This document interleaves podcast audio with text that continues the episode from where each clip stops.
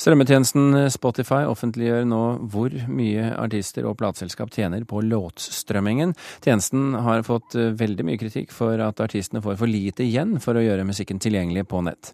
Og nå vil Spotify gjøre noe med det. Det forteller mannen de fleste kjenner som stemmen i strømmetjenestens egen reklame.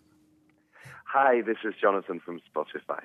Jonathan fra Spotify heter egentlig Jonathan Forster og er administrerende direktør i Spotify Norden. Spotify har nå lansert en nettside hvor de offentliggjør hvordan de regner ut summene artistene tjener på å gjøre låtene sine tilgjengelig i strømmetjenesten. Dette gjør de for å vise hvor mye penger de gir tilbake til musikkindustrien, og for at artister og publikum skal forstå hvordan pengene fordeles, forteller Forster. We've been waiting to announce that we've um, back to the music industry a billion dollars since we started. So we wanted to get that news out there. Secondly, we realized that there's a lot that we can do to um. Ut ifra Spotifys nettside betaler Spotify i USA i gjennomsnitt litt over fire øre per avspilling. En million avspillinger vil dermed gi 43 000 kroner utbetalt, som igjen skal fordeles mellom artist, plateselskap og eventuelle andre aktører. Avtalene om denne fordelinga varierer voldsomt fra land til land og plateselskap til plateselskap, og er ikke offentlig. Pga. alle disse variablene kan Forster dermed ikke si hvor mye norske artister tjener på låtstrømming.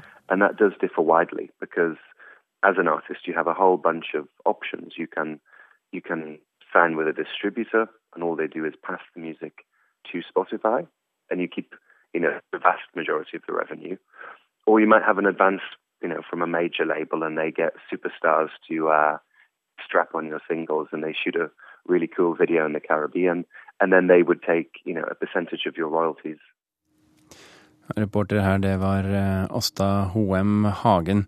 Daniel Norgård, stipendiat ved Fakultet for kunstfag ved Høgskolen i eh, Agder.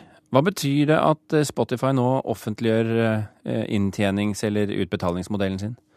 Eh, det beviser i hvert fall at de eh, beveger seg inn på oss og viser mer om hva som ligger til grunn.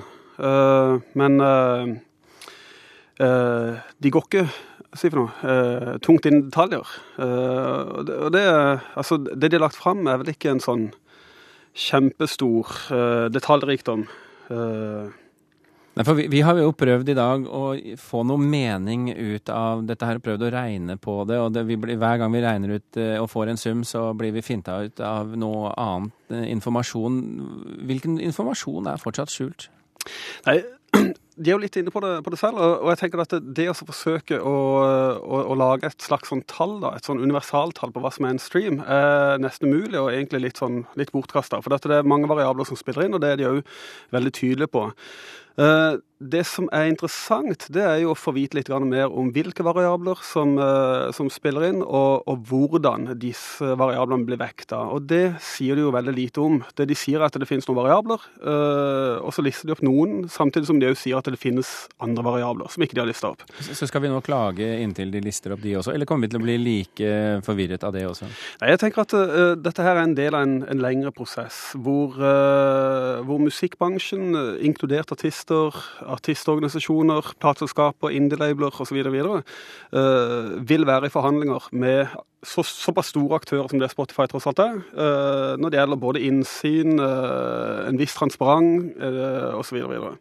så om, om, en del tid så tror jeg nok at, at man har, altså at, at, det er mer en sånn type grunnforståelse da, av hva som er dynamikken. Øystein Greni fra bandet Big Bang, som altså skal holde konsert i, i, Berlin i kveld. Skjønner du noe av utregningsmetoden til Spotify?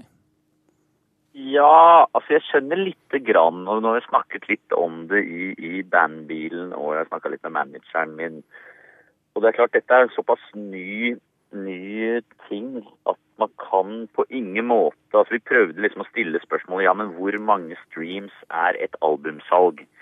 Men det er helt umulig å si. Altså, Essensen av dette her for oss som driver med musikk, det er at streaming vil føre til at store hits blir enda større og vil generere kanskje enda mer penger.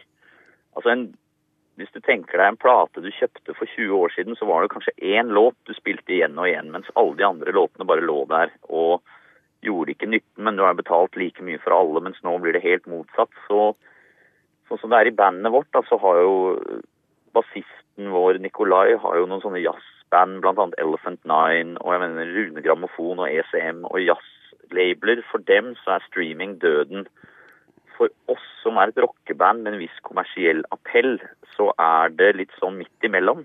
Så det jeg tror man må gjøre, det er at man må se på man må se på artisters økonomi som en helhet, fordi at livemarkedet har gått veldig opp. Hvis du kun har levd av platesalg, så kan du like gjerne begynne å jobbe på Rema eller gjøre noe annet. Men jeg tror artister i Norge i dag generelt tjener mye bedre enn de gjorde før, selv om man ikke tjener så mye på platesalg. Men hva tenker du da om de summene som Spotify nå offentliggjør? Nei, det blir helt uh, Altså, jeg har ikke peiling på det. Og det er klart at det genererer inntekter, men jeg vet at mesteparten av de pengene bruker jo Spotify for å sikre seg rettigheter til back-katalogen til liksom store artister. Og det er jo det de spiller mest. Så nok en gang så sitter jo plateselskapene igjen med alle pengene, ikke sant. For de har jo da først solgt Simon Garfunkel og Beatles og Stones til folk på vinyl, og så har de solgt det til folk på CD, og nå klarer de faen meg å selge det en gang til i form, form av streams. Så det nye artister vil sitte igjen med, er jo veldig, veldig lite. Men hva er det du tjener mest penger på? Er det, er det strømmetjeneste, eller er det eh, konserter? Det er jeg. Ja, konserter er helt klart, men, men, sånn har det på en måte alltid vært for oss. For Big Bang har aldri vært liksom noe sånn derre Altså, vi har jo solgt bra med plater, men vi har aldri solgt helt sånn sinnssykt mye heller. Så for oss så har det faktisk ikke spilt noen særlig rolle. Vi har Altså samtidig som platesalget vårt har stukket i takt med tiden, så har livemarkedet plukket seg opp. Så vi har det egentlig bra, altså. Og det er klart det at folk som ikke kjenner oss, kan sjekke oss ut gjennom streamingtjeneste. Og liker de det godt nok, så kommer de på konsert, og vips, kjøper de vinylplater på Big Dipper eller Så jeg, jeg, tror, jeg tror det er veldig viktig å ikke putte alt musikkonsum, eller eh, hva man skal kalle det, altså musikkbruk, i, i samme boks. For det er så mange forskjellige måter å høre på musikk. Noen er fornøyd med å sitte og høre på en liten høyttaler på en computer, og det er helt greit. Andre, sånn som jeg er, må ha det på vinyl på et ordentlig anlegg, og det vil være masse folk som så jeg tror det er viktig å, å, å, på en måte dyrke mangfoldet og se på de forskjellige, de forskjellige sjangrene er som, som, positive hver for seg, og ikke som kanskje nødvendigvis en veldig ung ting. Altså når, når radio kom, så gikk jo alle musikerorganisasjonene ut og sa at nå kommer ikke folk til å gå på konsert lenger.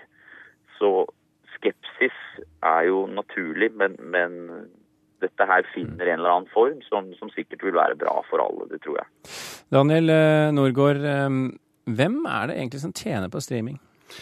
Uh, Spotify sine aksjonærer uh, tjener i hvert fall veldig godt på, på streammodellen akkurat nå, fordi at verdisetting av selskapet uh, er blåst veldig opp.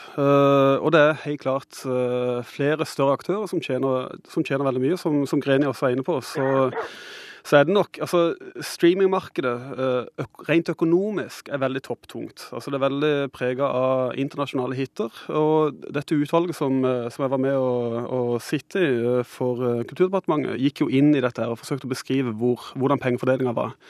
Og der er det jo et Altså, vi ser jo at norske artister i streamingmarkedet taper terreng ganske, ganske betydelig. Og det er en, det er en bekymring. Og så er jeg helt enig med, med Greni at uh, det er helt klart en, en vekst i livemarkedet uh, som, som, har vært veldig markant de siste 10-12 årene. Men også der ser man òg en, en, en, ganske, uh, om, altså en ganske kraftig omfordeling av midlene opp mot allerede etablerte aktører. Så store artister tar enda mer penger. Så jeg, eh, jeg, jeg, tror nok, uten at jeg ønsker å svartmale For jeg, jeg, er veldig fan av Spotify, jeg er veldig fan av streaming, og jeg ønsker heller ikke å være noen sånn dommedagsprofet uh, for fremtida.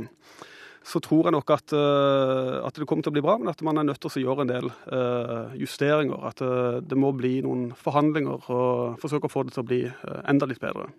Vi får se hvilke justeringer som kommer etter hvert. Daniel Norgård og Øystein Greni, tusen hjertelig takk for at dere kunne være med i Kulturnytt, og lykke til på konserten i Berlin i kveld, Greni.